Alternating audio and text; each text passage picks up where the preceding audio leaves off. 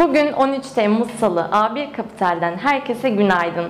New York Fed Başkanı John Williams, şirketler için bir repo kolaylığı oluşturulmasının kısa vadeli fonlama piyasalarında beklenmedik bozulmalar olduğunda Fed'in kısa vadeli faiz oranlarını daha sık kontrol altında tutmasına yardım edebileceğini söyledi.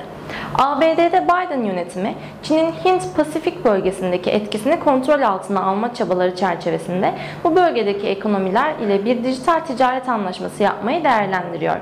Financial Times'a göre ECB'nin yeni enflasyon hedefi konusunda birlikte vardığı karar gelecek.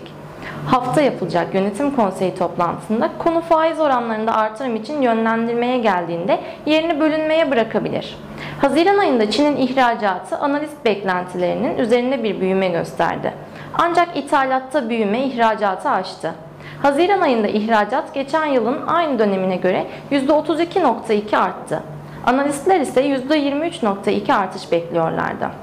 İthalatta büyümede %25.6 olan beklentileri aşarak %36.7 oldu.